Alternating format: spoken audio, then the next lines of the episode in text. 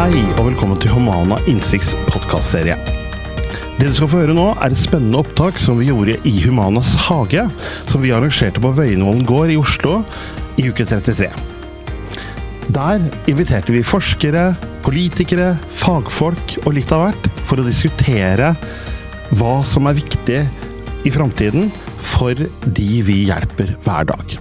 Og alt ble selvfølgelig gjort koronasikkert, og alt ble sendt direkte på nettet. Og opptakene kan du finne på våre nettsider humananorge.no. Eller du kan høre på denne podkasten her, som omtaler én av temaene.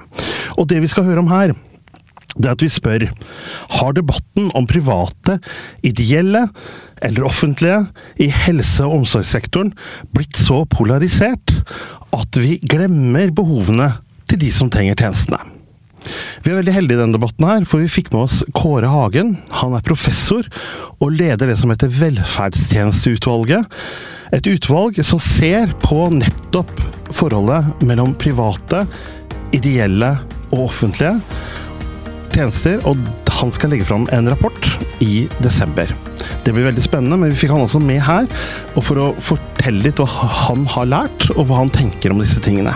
I tillegg har vi med oss Karita Bekkevølle, tidligere likestillingsminister, barne- og likestillingsminister til og med, og Mona Lien, som er pioner og administrerende direktør i Humana omsorg og assistanse. Gled deg, dette er spennende. Hei, og velkommen til eh, Humana omsorg og assistanse sin hage, Humanas hage, her på Vøyenvollen gård eh, på eh, Skagene i Oslo. Eh, siste tema for denne runden av Humanas hage er hvor vi spør har debatten om private, ideelle eller offentlige helse- og omsorgssektoren blitt så polarisert at vi helt glemmer dem som faktisk trenger tjenestene. Vi, vi, skal bli tre debattanter her. Eh, men tredjemann, som vi skal introdusere når hun kommer, hun sitter fast i trafikken. Og vi går jo live, så hun må komme inn på fra siden. Men vi er veldig glad for at du er her, Kåre Hagen. Du er professor eh, ved Oslo OsloMet, Senter for velferds- og arbeidslivsforskning. Men ikke minst så leder du et, opp, et utvalg vi kaller det Hagen-utvalget. Eh, velferdstjenesteutvalget kaller noen det. Uansett så skal dere se på akkurat de tingene som er tingen for denne debatten her. Vi, de skal se på tjenestene som leveres, om hva er fordelen med private, ideelle, offentlige, pengestrømmer og litt av eh, hvert. Eh, og da er det ganske viktig for meg å eh, innledningsvis spørre Hvorfor er denne debatten så følsom? Du har jo vært med hodet oppi denne debatten ganske lenge nå, gått dypt ned i det. Og hvorfor diskuteres så lite innholdet i tjenestene, og så mye organisasjonsform? Mm. Uh, takk. takk. for at jeg fikk eh, komme og til å snakke om det som er en utrolig spennende jobb, nemlig å få lede et ekspertutvalg som går løs på egentlig det som er et stort paradoks. For hvis vi ser på den historiske utviklingen av de norske velferdstjenestene, så var jo den preget av et ganske pragmatisk, bruker- og løsningsorientert samspill mellom offentlig ansvar og private leverandører. Et mangfold av private leverandører. Og det var formelen som vi bygde det som resten av verden ser på som verdens mest avanserte velferdsstat. Og så har vi bygd opp en stat som i det alt vesentlige leverer tjenestene i offentlig egenregi, som det heter. Og så har vi en 12-15% av tjenesteytingen som leveres av et mangfold av private. Og så til egentlig spørsmålet ditt. Hvorfor i all verden blir da den tilstedeværelse, den relativt lille tilstedeværelsen av private aktører, som vi historisk har god erfaring med, hvorfor blir det så oppheta og ideologisk uh, spørsmål? Uh, og, og, hvorfor må man ha et ekspertutvalg til å, til å utrede dette?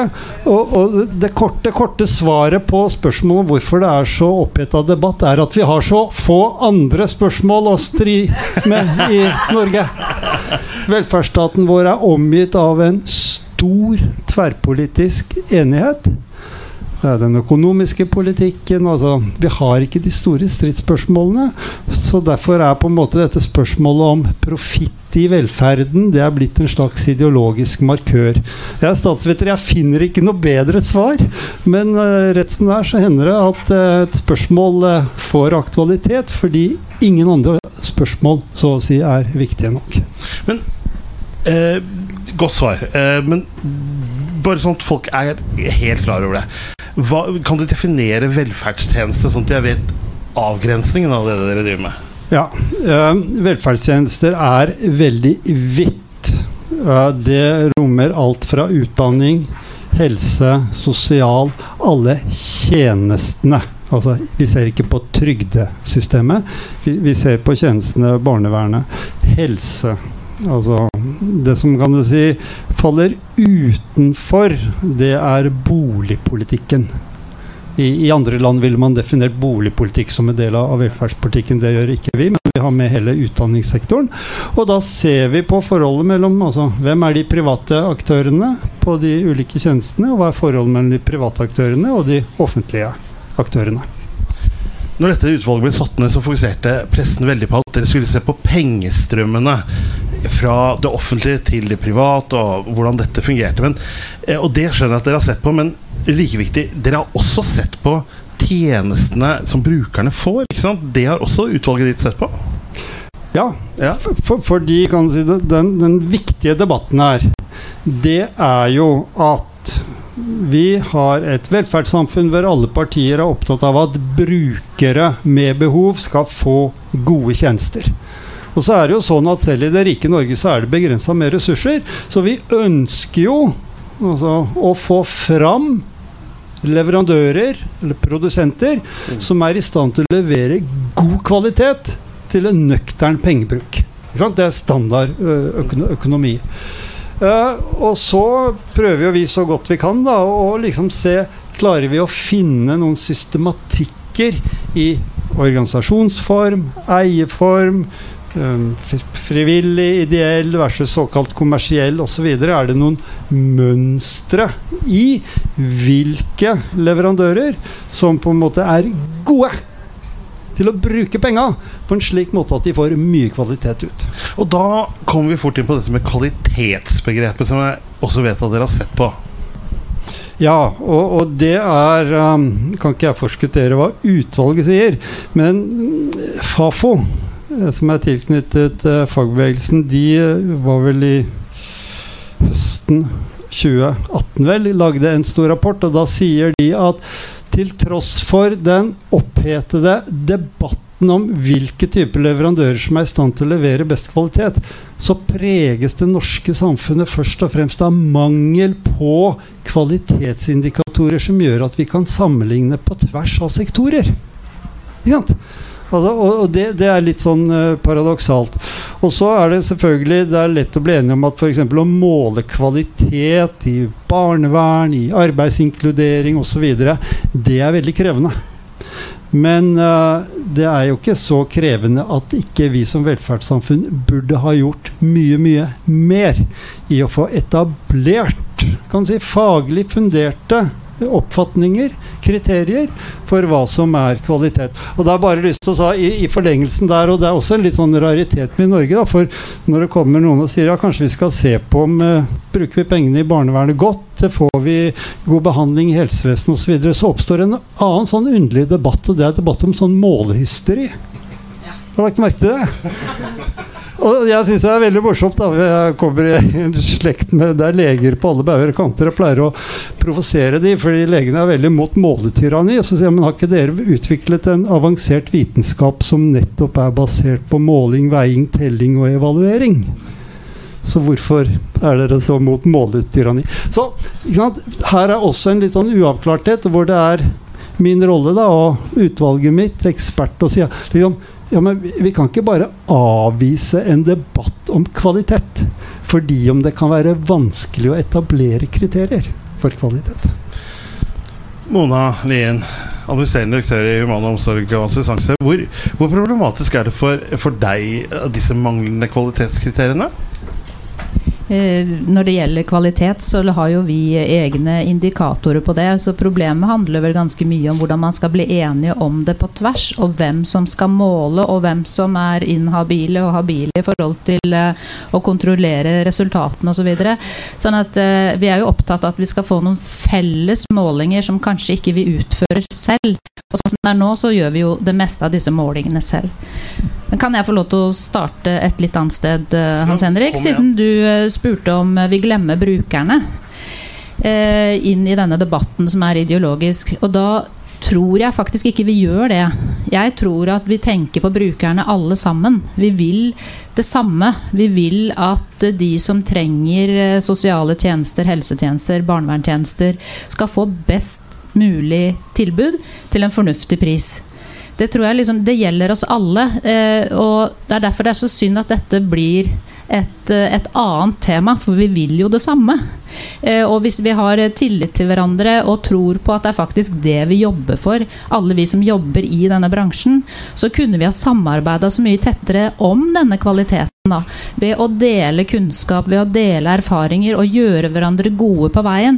Istedenfor å lage et, eh, et, kunstig faglig skille mellom oss. Da hadde vi kanskje lettere også kommet fram til disse kvalitetsindikatorene da, som vi, vi trenger for å kunne se på oss også med litt sånn konkurrerende øyne, samtidig som det faktisk er mulig å både konkurrere og samarbeide. Hvor lenge har du jobba med dette, her, Mona? Eh, ja jeg har jo studert og gått på skole og holdt på med, med fagfelt innenfor uh, psykologi og helsearbeid uh, siden 1984, kanskje. Og du ser på deg nesten som mest sosialarbeider, på en måte? Jeg er eh, en idealistisk sosialarbeider. Absolutt. Jeg har jobbet eh, både i det offentlige og i det private i, i veldig mange år innenfor dette feltet. Og forskjellene er jo ikke store. Så det er som jeg sier at Vi er jo der for brukerne, og vi vil gi et best mulig tilbud. Og vi ønsker å utvikle oss og gjøre dette bedre hele tiden. Så da jeg gikk fra det offentlige til det private, så var det ikke det noe stor forskjell, annet enn at eh, man, jeg fikk muligheten til å gjøre mer av det jeg trodde på. Jeg fikk muligheten til å gjøre det eh, litt raskere. Og det er litt sånn spennende i det, da, som eh, kanskje ikke alle andre syns er like morsomt, det er at vi får jo ikke et budsjett og penger som vi kan bruke. Eh, de inntektene vi har, de får vi fra stat og kommune fordi vi leverer konkrete tjenester. Og hvis ikke vi leverer konkrete og gode tjenester med høy kvalitet, så får ikke vi de pengene inn. Og det setter jo en liten spiss på, på jobbinga. Vi må være gode. Mm. Det er en jevn oppslutning eh, rundt offentlige tjenester eh, de siste årene. Altså det har økt, man har mer tillit til de offentlige tjenestene. Eh, men det har du sagt til meg en gang, at det, det er bra for oss, det, sier du. Altså, jeg har vel litt problemer med å forstå dette, dette skillet, fordi vi leverer jo offentlige tjenester. Jeg tror det er en misforståelse når man snakker om private. At man tror kanskje også det er noe privat betaling her, at det gjør forskjell på folk. Men, men dette er offentlige tjenester utøvd av et privat selskap. Og det er jo eh, ingen forskjell på det. Og kravene til tjenesten og måten det gjøres på, er styrt av det offentlige, enten det er kommune eller stat eller spesialisthelsetjenesten. Så det er de som avgjør hva de vil ha. Eh, hva slags kvalitet de vil ha, hvilket tilbud de vil ha, hvilken pris det skal koste. Og så leverer vi dette på vegne av det offentlige. Hagen, eh, det jeg prøver å komme fram til med dette, for noen til å si dette her, det er at eh, dette er jo et område som må være veldig vanskelig å manøvrere i forhold til alle mytene. Når man skal gjøre et faglig arbeid som dere har gjort, hvordan har dere unngått å gå i disse mytebøttene? Um, det er jo på en måte ekspertens eh, jobb uh, å definere eller klare å finne liksom hva som er myter. Uh, og, og hva, hva, de, de, bunner i. Og du var inne på én ting, for du sa at forskjellen mellom det offentlige og, og det private var kanskje ikke så stor på det faglige, men det gjaldt på organisering av arbeid og litt så, sånne ting. Altså, en, en myte er jo at dersom personer jobber i et selskap som er organisert som et AS, så bærer man individuelt sett en profittorientert motivasjon. Det er helt feil. De som jobber i velferdsstaten, de bærer veldig sterke profesjonelle motivasjoner.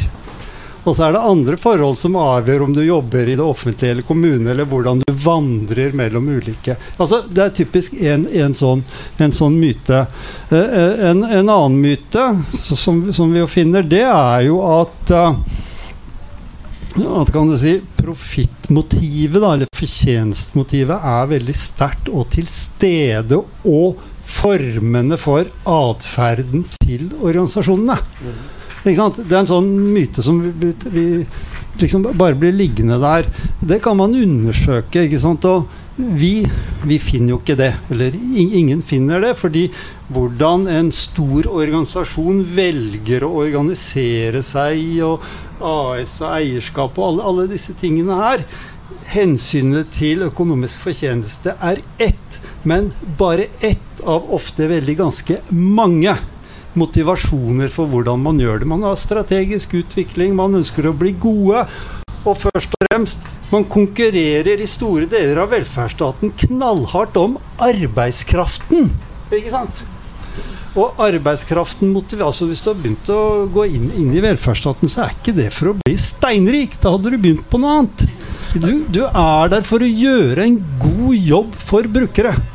Og du velger den arbeidsgiver og den organisasjon som som jeg sikkert du ville si meg enig i, gir de beste forutsetningene for å realisere den faglige kompetansen du ønsker å bruke til å levere god kvalitet. Så, altså, det er veldig mange si, Det å avkle myter, da, det er jo egentlig å vise hvordan verden er mye mer sammensatt. Mye mer komplisert.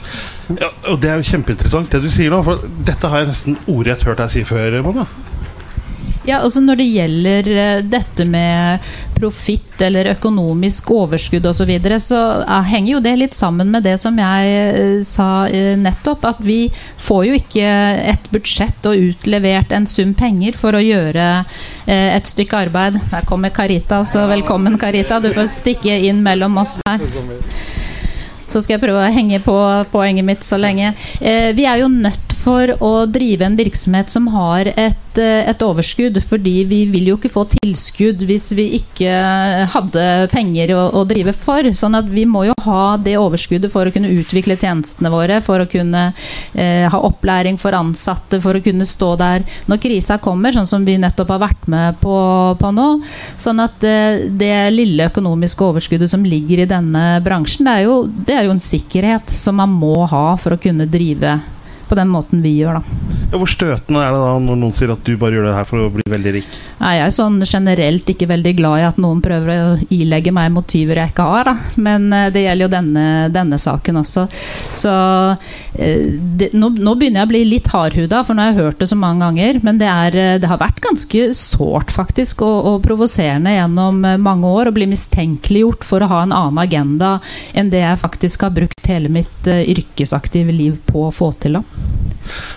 Og da vet du, så er det kjempefint at du har kommet ut av trafikken, Carita. Og, og er her og kan, være med oss. Du er jo De fleste vil kjenne deg. Du er jo tidligere uh, barne- og likestillingsminister, og nå er du direktør i lands, uh, legemiddelindustrien, heter det. Uh, og du er også, det er viktig å opplyse om her, du er også styremedlem nå i Humana AB, som er eierselskapet til Humana omsorg og assistanse. Så har vi putta deg litt på plass med motivene dine også også. Uh, men uh, jeg vet at du mener dette sterkt og klart likevel. Og når du gikk inn i dette styret, så, uh, så, sa du at du gjerne ville bygge ned negativiteten som finnes i Norge knyttet til private aktører i helse- og omsorgssektoren. Og at du kjenner det en del på kroppen i LMI også. Kan du ikke si litt om det? Jo, det kan jeg gjerne, og beklager at jeg kom seint. Eh, men eh, det jeg opplevde eh, etter 20 år i norsk politikk, og min bakgrunn er fra Arbeiderpartiet og Jeg sto da oppe i en situasjon for mange år tilbake der vi hadde store utfordringer med full barnehagedekning. Og Det var for meg den gangen som småbarnsmor så sterkt å oppleve at eh, vi ønska rettigheter, vi ønska et trygt tilbud, og det offentlige klarte ikke å gi oss det. Og Den gangen bestemte jeg meg for at så lenge jeg har fått et mandat og sitter på Stortinget, så skal jeg gjøre det jeg kan for å prøve å få på plass en løsning som er forsvarlig både for barn og foreldre. Og jeg kan love dere det at det var ganske kontroversielt den gangen. For det, det handla om, om å likestille en privat og offentlig med tilskudd. Og det fikk vi til, men det var en veldig sånn tøff politisk øvelse. Og det jeg sa den gangen i mitt parti, at jeg tror det er knekkende likegyldig for folk om det er stat, kommune eller fylke som leverer dette tilbudet. Når du ser hva behov familiene har. Og det må være retningsgivende for ny politikkutforming. Og det jeg da opplevde når jeg begynte i industrien, det var jo at vi har jo fantastiske miljøer i Norge. Akademiske miljø. Vi har mange utrolig dyktige private aktører. Og ikke minst òg innenfor offentlig sektor når det gjelder helsetilbud. Men alle sitter jo litt på hver sitt tue. Og vi ønsker jo ikke engang å snakke om det samarbeidet kanskje som er i dag, der f.eks. Aleris får levert store tjenester av offentlige sykehus, som f.eks. Ahus, på enkelte ting. Sånn at jeg føler at Mye av denne debatten vi står oppi, det er liksom skinnhellig symbolpolitikk. Og når vi nå kommer til å ha behov for 200 000 nye arbeidstakere fram til 2060, er det vel, så er vi nødt til å få et partnerskap og et samspill. Men det jeg sier, det at de private aktørene har òg et ansvar for å sørge for at vi har ordentlige forhold for de ansatte. At dette kan drives forsvarlig. Og jeg tror òg at hvis at Mona hadde gjort store feil opp igjennom, så hadde hun aldri klart å ta ut det markedspotensialet. Sånn at her handler det òg om å utfordre oss sjøl, ta vare på dem som jobber med det. Og på den måten da prøve å få til nye former for samspill. Sånn at det er i hvert fall bare liksom kort med en gang i forhold til min eh, tilnærming til det. Men for meg så handler det om at jeg føler at det er like mye idealister jeg har møtt nå i disse elleve årene i næringslivet. Som jeg har opplevd gjennom alle mine besøk og møter med mange gode offentlige aktører. Så jeg tror vi må bli litt kjent, vi må ta ned fordommene, og så må vi ha forutsigbarhet og regler som gjør at dette her blir godt og trygt for alle. Er det et inntrykk du sitter også med, Hagen? At man sitter på hver sin tue, du som har gått litt ned i dette her nå?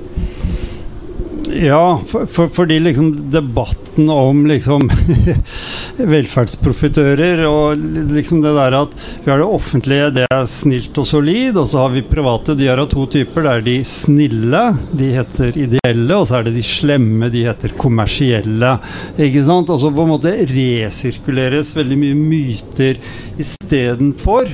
Og det håper jo vi å gjøre i vår utredning. Så ok, hva slags type organisasjoner er gode på hva slags type oppgaveløsning. Ikke sant? For sånn vil det være.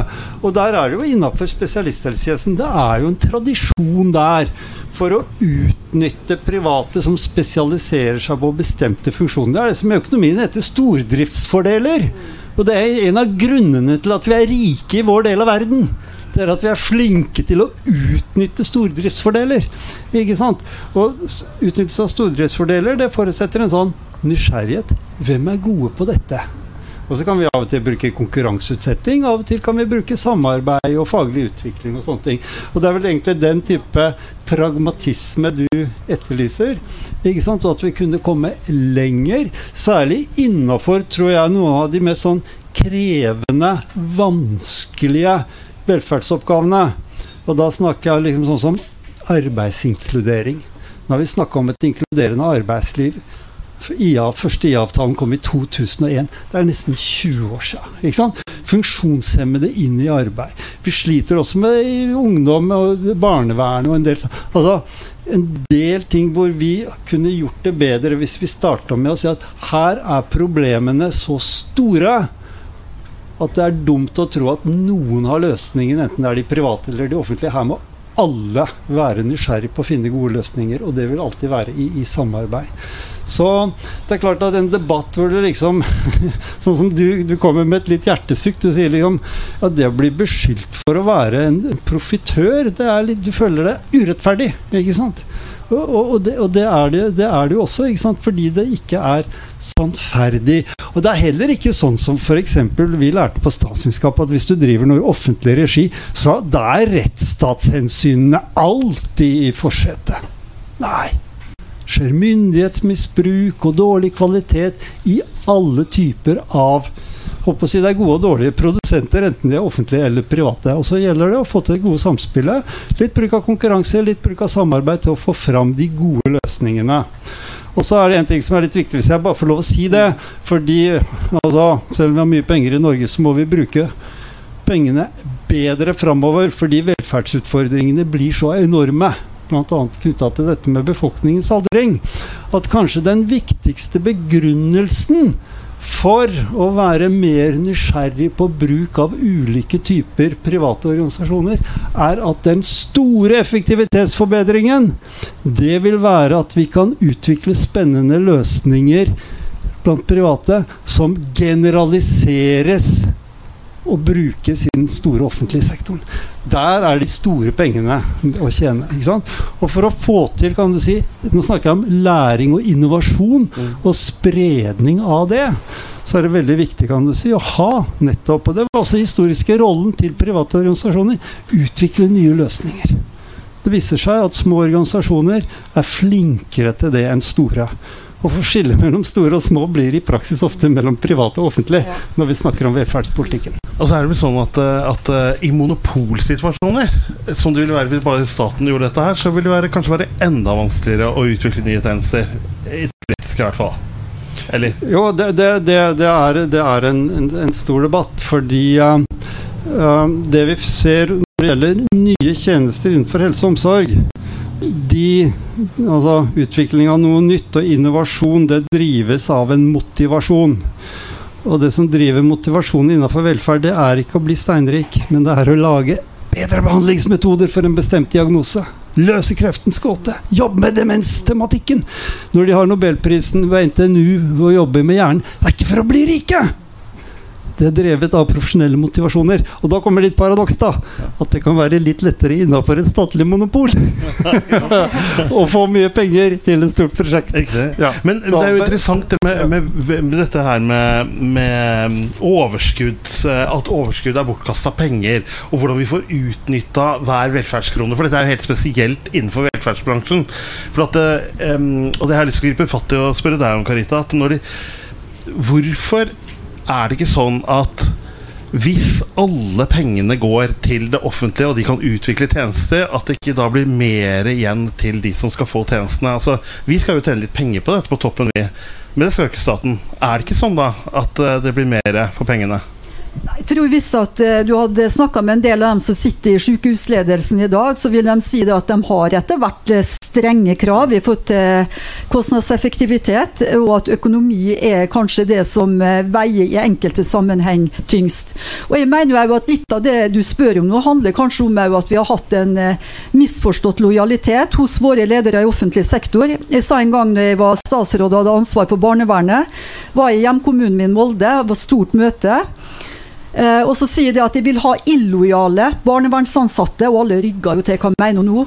Og med det mener jeg at skal jeg gjøre en god jobb, skal jeg fatte de riktige beslutningene på vegne av befolkninga mi, så må jeg få ærlige tilbakemeldinger på hva er som er problemet. Og jeg tror da at i Norge så Vi er et lite land, vi kjenner hverandre. Det er av og til litt for tette skott mellom dem som sitter og blir rekruttert. Det er ting som vi ikke snakker om. Og det er klart det at her handler det òg om at vi må tørre å utfordre oss sjøl litt på hvordan er maktstrukturer. Og så har jeg bare lyst til, Kåre, jeg er så enig med det du sier, og godt å høre på det. Og tenker litt på, Det er én ting jeg føler vi glemmer. Det er jo, det er jo oss som enkeltpersoner. Altså Det er det såkalte markedet. Få se på koronasituasjonen nå, da, på kjøp av koronatester. Hvem skal komme og si at det får du ikke lov til? I forhold til de kreftsyke familiemedlemmer du har hjemme, alvorlig syke barn. Og jeg tenker at Det er noen sånne tilnærminger som vi ikke aksepterer. Og jeg tror det at uansett hvor du står igjen politisk, og det har vi jo sett fra mitt parti, at det er mange i Arbeiderpartiet som har kjøpt private helsetjenester når krisa var et faktum. Sant? Men det er veldig lett å stå høy og mørk og, og, og komme med pekefingeren sin. Så jeg, vil, jeg, jeg ønsker jo at vi skal få gode debatter på fellesskap, og nå skjer det jo en del ting på det. Helsenæringsmeldinga, ny politikk på området, Helse og omsorg 21. Det handler om at vi skal prøve å få til et partnerskap. Så min drøm er jo at vi skal ikke ha enten-eller, men både Uh, og så tenker jeg litt på dette her med det frivillige organisasjoner har gjort innenfor rus, som har vært utrolig viktig opp gjennom åra. Men kanskje når Humana kommer med sine ting, da er det mer kontroversielt. Så kan vi jo bare ta eldreomsorgen. Hvordan tror dere den vil komme til å utvikle seg? Jeg vet i hvert fall det at eh, mange med meg kommer til å selge det vi har for å få en trygg alderdom. Og vi kommer ikke til å finne oss i at vi ikke får ordentlig behandling. Og da får vi òg kanskje etter hvert nye former for, for forsikringsløsninger som kan tilby oss. Da begynner vi å gå mye mer mot et amerikansk samfunn enn det vi har nå. Sånn at den analysen på samfunnsutviklinga vår på dette feltet her litt mer langsiktig. Og jeg skal avslutte med å si at jeg mener at dette temaet her som vi snakker om nå, vil komme til å bli et av de viktigste temaene i helsesektoren vår i årene som kommer. Ja, det er jo en av de viktigste politiske eh, temaene vi har også. Det er jo en av de temaene som skiller høyre- og venstresiden. Eh, jeg må bare, før jeg går videre til Mona Tror du, eh, Karit, kjenner Arbeiderpartiet godt, at dette er en sak som Arbeiderpartiet for Det er vanligvis et pragmatisk parti. Det er sånn jeg kjenner Arbeiderpartiet. Er dette en sak som man på en måte selger ut for å få makt? Og at man ikke da i det ser hvor viktig dette er for de brukerne som får disse tjenestene? Vanskelig å gi et svar på det, men eh, du, du må jo se litt på den politiske alliansen. og Arbeiderpartiet har jo knytta seg sterkere opp til venstresida. Eh, og det kanskje gjør at det presset, og også hvordan utviklinga i Arbeiderpartiet skjer eh, Hvem er det som er tillitsvalgt i partiet og toneangivende i dag? Hvilke, altså sant, Husk på at Arbeiderpartiet er et stort parti. Du har vil jeg påstå, nesten alle avskygninger politisk i Arbeiderpartiet. sånn at Det handler jo litt om hvem er det som sitter med makta og er førende. Men, men jeg tror på mange måter at vi ja, Det er vanskelig egentlig å si. Eh, blir, vi går inn i en ekstremt spennende tid nå. og Jeg tror den krisesituasjonen vi opplever nå, vil kunne være med kanskje å endre politikk. Og så mener jeg da at fornuften politisk ligger mellom Høyre og Arbeiderpartiet i sak etter sak etter sak. Så jeg tror da at det er mulig å finne enda større politisk kompromiss. Altså Vi ser det jo gjennom altså alt fra kraftpolitikken, gjennom EU, forsvarspolitikken. Det er mange tunge politiske saker der det er en veldig sånn sterk eh, kobling mellom disse to partiene. Uh, og så har òg Arbeiderpartiet, fagbevegelsen og Arbeiderpartiet, fortjener litt mer løft for det at de er sterkt for å bygge næringsliv og for vekst. Det gjorde jo politikken vår et godt, var et godt eksempel på. Så jeg tror òg at Arbeiderpartiet opplever en del fordommer mot tilnærminga. Men ja, jeg vet ikke om vi kan gi noe annet svar. Nei, jeg synes det er godt svar. Men, men Mona, vi, vi, vi, prøver å snakke om brukerne, og om vi glemmer de oppi dette her. Og det er, det er, veldig lett å begynne å snakke. Vi hører vi snakker om organisasjonsform med en gang. Men de som vi hjelper hver dag, i hvilken grad er de opptatt av disse problemstillingene, offentlige eller private? Jeg har eh, til gode å høre at noen har tatt opp det temaet med meg, eller noen av våre, våre, ansatte. De er jo opptatt av hvilke tjenester de får, og at de er gode. Og vi har jo brukerundersøkelser jevnlig som går på deres opplevelse av det tilbudet de får. Og det er, eh, det er ikke tema, men det er vel ganske naturlig også at de er eh, opptatt av, av tilbudet de får. Jeg tror mange ikke engang vet at vi er et såkalt privat selskap. Så det det er nok forholdsvis uinteressant. Men det er klart at hvis man kommer inn på brukerstyrt personlig assistanse f.eks., hvor man har brukervalg, så stiller det seg jo litt, eh, litt, annerledes. For det er jo ikke veldig mye brukervalg i, i, Norge nå. Og noen vil jo ha bort det lille som er også. Men der har man jo en mulighet da, til å kunne velge mellom kommunale tjenester, private, ideelle.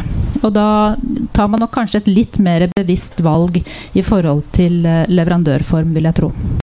Ja, for da er vi tilbake til det, Hagen, at det er kvaliteten på tjenestene de som mottar ja. de, ønsker, er opptatt av, og samfunnet egentlig er opptatt av. Ja, eh, det er det. Og på en måte brukere de er opptatt av å få gode tjenester. Men det er trekk ved gode tjenester som er ganske systematisk knytta til måten du organiserer ting på.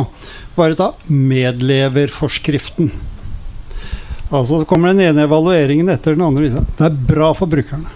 Det er bra for pårørende. Det er bra for, for, arbeidskraften. Og det klarer å mobilisere folk fordi du altså Alle kjenner til det. er sånn du, du kan på en måte bo i den ene enden av landet, og så kan du jobbe så, så Hvorfor er den så inn i F-komplisert? Det er et veldig godt eksempel. Jo, fordi den utfordrer en forestilling om at godt arbeid er normalarbeidet tatt fra industrisamfunnet. Ikke sant? Altså, ok, og sånn kan det gå. Hva er brukere opptatt av? Jo, de, særlig eldreomsorgen som jeg titta på. F.eks. at det ikke skal komme en ny person hver gang. Ja, det på en måte dreier seg da om hvor høyt sykefravær og turnover er i organisasjonen. Og da kan noen være bedre enn andre. Ikke sant? De tingene der. Så kan du si det blir litt enkelt å bare si at uh, Eller prøve å begrunne en tilstedeværelse av privat med å si at ja, det spiller ingen rolle for brukeren, bare de får høy kvalitet. Vi må gå skrittet videre. Hva er høy kvalitet?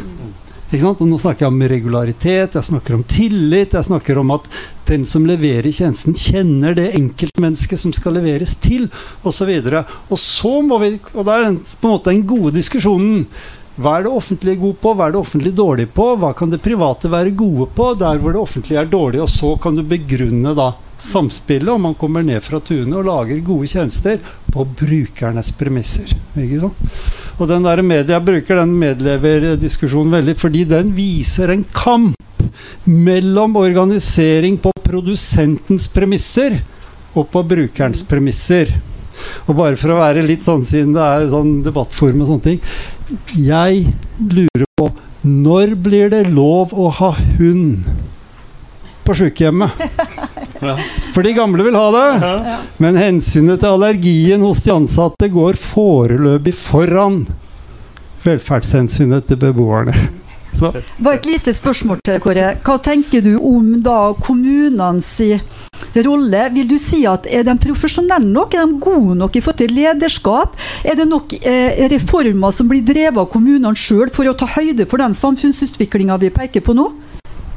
Det er jo egentlig en, en, ganske svær debatt. og Jeg leda jo et, tidligere et utvalg om, om, innovasjon i omsorg. og Da på en måte ser det sånn litt paradoks. For på den ene siden det at vi har veldig mange kommuner, gir rom for veldig mye spennende som skjer. Det er mye ildsjeler rundt omkring i kommunene, og det er veldig mye godt samarbeid mellom kommune og frivillige ressurser og aktør, private aktører. Men så på en måte når det gjelder å få gode, innovative løsninger til å bli ny praksis den overgangen der, da sliter systemet. Ikke sant? Fordi da blir veldig mange kommuner for små. Og veldig mange kommunefolk er på konferanser og sier at vi må lære av hverandre, og så viser det seg at i praksis er ikke det så lett. Ikke sant? Så nå glemte jeg spørsmålet. ja, organisasjon, organisasjon, organisasjon, og ledelse. Ja. Er de gode nok? Både ja, både ja og nei. Altså Jeg tror det er mye god tenkning om tjenesteutvikling i kommunene. Det er mye god tenkning, det er mye flinke folk. Men det er mye altså, Nå snakker statsminister sånn stammespråk. Det er mye sånn gammel institusjonalisering av ting. Ikke sant? Som, som på en måte blokkerer for det. Og som gjør at uh, veldig mange sånne idealister innafor tjenester, innafor begynner som kommunalt ansatte, og så bytter man mot ting, og så danner man en litt sånn underskog av dette kjenner dere til. ikke sant, Av private entreprenører, hjemmesykepleiere. Altså rommet for å få til den innovasjonen i praksis mm. som lederne i kommunen ønsker, den viser seg å være større hvis du går litt ut av kommunen. Faktisk. Det går an å stille spørsmål i chatten ved siden av. Vi sender jo live her. Og, eh, har det kommet noen spørsmål, eh, Karianne? Kom, kom, et spørsmål som en kommentar til noe av det dere snakket om, er um, hvor kommer disse mytene fra, og hvordan kan vi komme de til livs? Ja, det var jo noe vi snakket om innledningsvis. Det var disse mytene. Eh, at dere var en slags altså, mythbusters. Er den der eh, kommisjonen din. Eh, men hvor kommer disse mytene fra? Tror du, Mona? Kanskje skal starte med deg? Altså, eh, ofte er det jo sånn at myter er jo basert på noe. sånn at det kan jo være enkelteksempler eksempel, som, eh, som gjør at man har fått eh, et bilde, og så er det noen som da har klart å holde disse bildene varme. Det, det skal ikke alltid så, så mye til før eh, en uheldig hendelse et sted blir til en myte.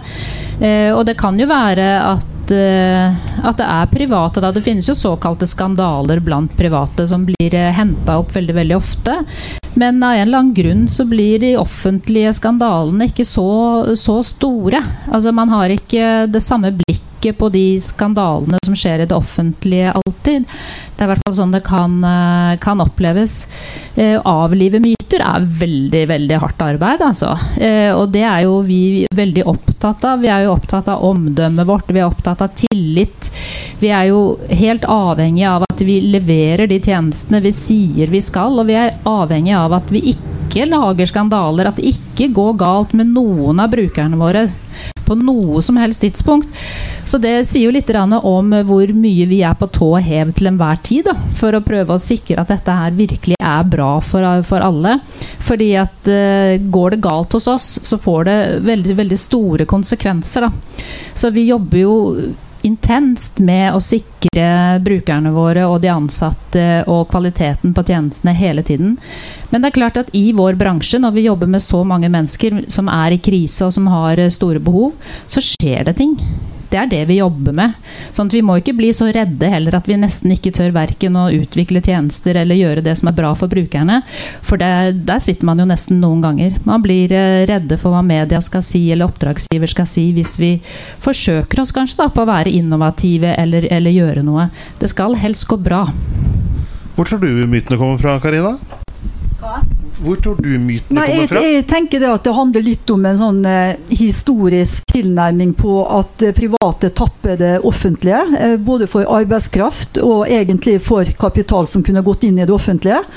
Eh, og så er det det at det handler om at en ikke har vært med på en del av samfunnsutviklinga. Men jeg tror liksom det enkle svaret på det du spør om, det er jo det at du, du tømmer det offentlige for viktige ressurser. Og Da kan vi stille tilbake en som jeg gjorde på barnehagesida den gangen. Ja, men hvis ikke produktet blir levert, da? Skal vi finne oss i det? Og jeg tror da at I Norge så er vi vant til å ha rettigheter. Vi er et rettighetsbasert samfunn. Sånn at Jeg tror jo at i framtida vil det være en enorm forbrukermakt på det vi snakker om nå. At vi bare har sett begynnelsen på det. Og ettersom jeg forstår, Mona, så I Sverige så er det vel litt ulike støtteordninger fra staten på personlig assistanse. Eh, og Du får likeverdige tilskudd. Opp til deg sjøl som bruker om jeg velger å bruke Humana eller om jeg velger å bruke kommunens tilbud. Sånn at Jeg tror òg at vi i nordisk har veldig mye å lære av hverandre. Dette er bare et lite eksempel, men at det er veldig mye som vi kan trekke erfaringer og kunnskap om. Og tørre å politisere det på en ny måte. Men jeg føler òg at vi må være litt politisk tøff. Eh, og det er jo ikke mye nye reformer vi ser lenger. Eh, og kanskje på det feltet vi jobber eller snakker om nå, så er det behov for helt nye former eh, for reformer i samfunnet. Bare ta opp det der med private igjen, for jeg tror det er det som eh, jeg nevnte i stad gjør det litt vanskelig for folk. For de tenker at vi er private, og private kan putte penger i bukselomma. Eh, og det er ikke sånn det foregår seg. Det her er styrt gjennom anbud og avtaler, og alt er offentlig. Så jeg skulle ønske at man så på oss mye mer som offentlige på den sida av, av, dette. Fordi at jeg tror brukerne våre, eller uh, samfunnet rundt oss, tror vi er noe annet enn det vi er. Det er offentlige tjenester betalt med offentlige midler, og vår oppgave er å forvalte disse skattepengene på best mulig måte til enhver tid. Uh, så privatbegrepet blir på en måte litt feil. Men Kåre, tror du at uh, ditt utvalg kommer til å avlive mange myter? Um, ja. Bra svar. jo, um, og det altså fordi altså Bare ta det der myten om på en måte velferdsprofitører og velferdsprofitt. Altså, det er som du sier du, Man klarer ikke å resirkulere en myte hvis du ikke innimellom har noen sånne anekdotiske eksempler på det. Uh, F.eks. barnehager. Da. Jo, noen har tjent penger på barnehager. Kjøp og salg av barnehager. ikke på drift av barnehager. Ok, Og så avslører det kan du si at ja, det er litt sånn reguleringstomrom eller, eller sånne ting. Så kan du si noen sånne type myter. Um, det er litt sånn, ja, Du kan finne ofte cirka, Etter hukommelsen ca. 12% av fastlegene tjener mer enn 3 millioner kroner. Er det velferdsprofitører?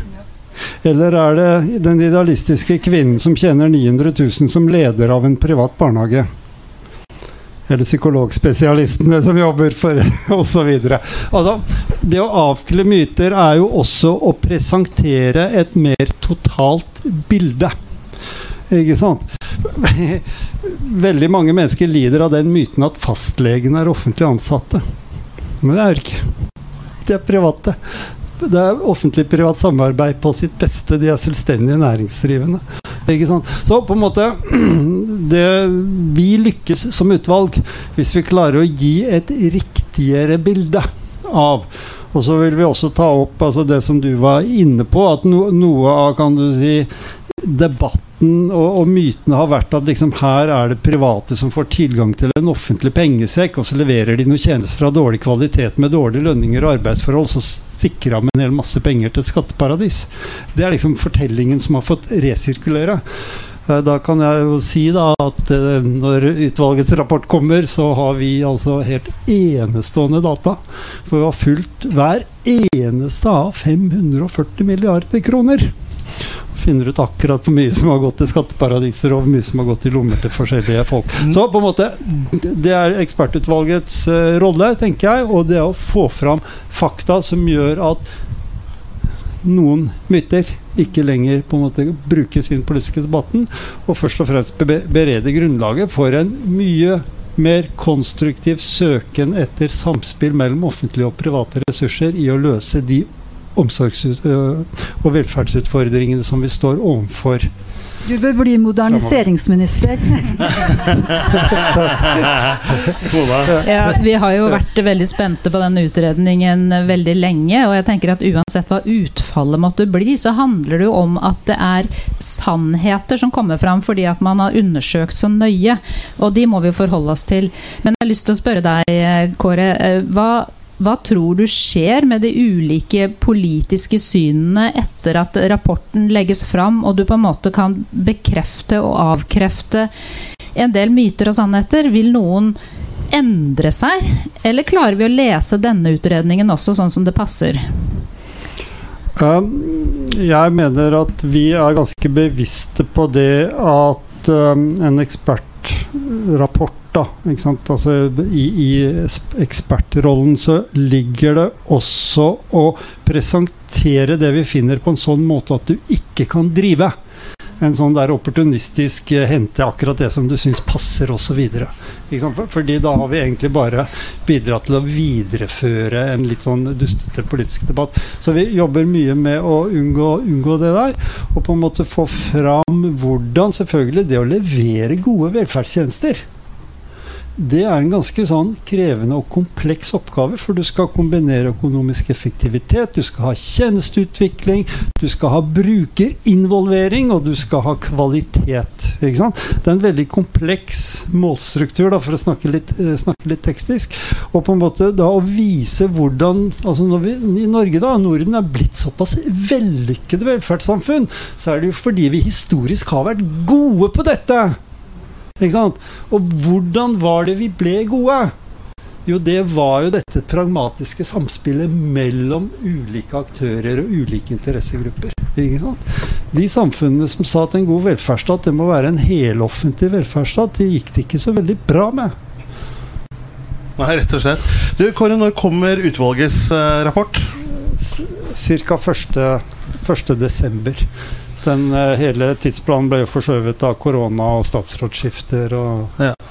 lederstrid i Venstre og en hel masse forskjellige ting. Rett før jul skal vi i hvert fall følge nøye med på dette her. Ja. Helt avslutningsvis, Karita. Vi har jo tradisjoner i Norge for gode og brede politiske forlik. Bl.a. barnehageforliket da, og pensjonsforliket. Er tiden kommet for at vi trenger et omsorgsforlik? Ja, jeg sier ja til alt det som eh, handler om at vi får det bedre i samfunnet vårt. Eh, og jeg tror òg at det som var spesielt med den barnehageavtalen, det var jo det at Stortinget, det var vel kanskje første gang faktisk, at en skrev under på en forpliktende avtale for langsiktig levering. Og for den som er politiker, da, de har ikke enkel jobb, og det er veldig kortsiktig. Sant? Og alt handler om ett statsbudsjett i gangen. Og jeg tenker jo Det vi snakker om her, handler om at vi skulle hatt en langtidsplan av forpliktelse som gjorde at du kanskje tok bort litt av det politiske spillet og symbolpolitikken som vi egentlig har snakka om her. Ja. Og at vi hadde fått eh, god fornuft inn. Men det er jo òg gjennom den type utvalg som, eh, som blir påpekt her, som gjør at vi kan få gode nye debatter, samfunnsendringer. Og politikerne setter ikke i gang med sånne ting uten at det ligger en eh, bunn av ydmykhet og vilje til politisk endring. Og, og da er det jo viktig at Kåre er tøff eh, og sier fra eh, på det kunnskapsgrunnlaget han og utvalget har tilegna seg, og på den måten òg kan løfte dette til gode offentlige debatter i tida som kommer. Jeg syns det er en utrolig fin oppsummering eh, av denne debatten her. Eh, tusen takk til dere. Nå lukker vi hagen for denne sommeren. Eh, vi ses igjen antakeligvis i Arendal neste år, for dette gjør vi under Arendalsuka også. I mellomtiden kan du gå inn på våre nettsider, humananorge.no, og finn Humana Innsikt. Der vil du finne flere podkaster, eh, webinarer og andre ting som vil være interessant for deg i ditt arbeid og for din opplysning. Tusen takk for at du så på.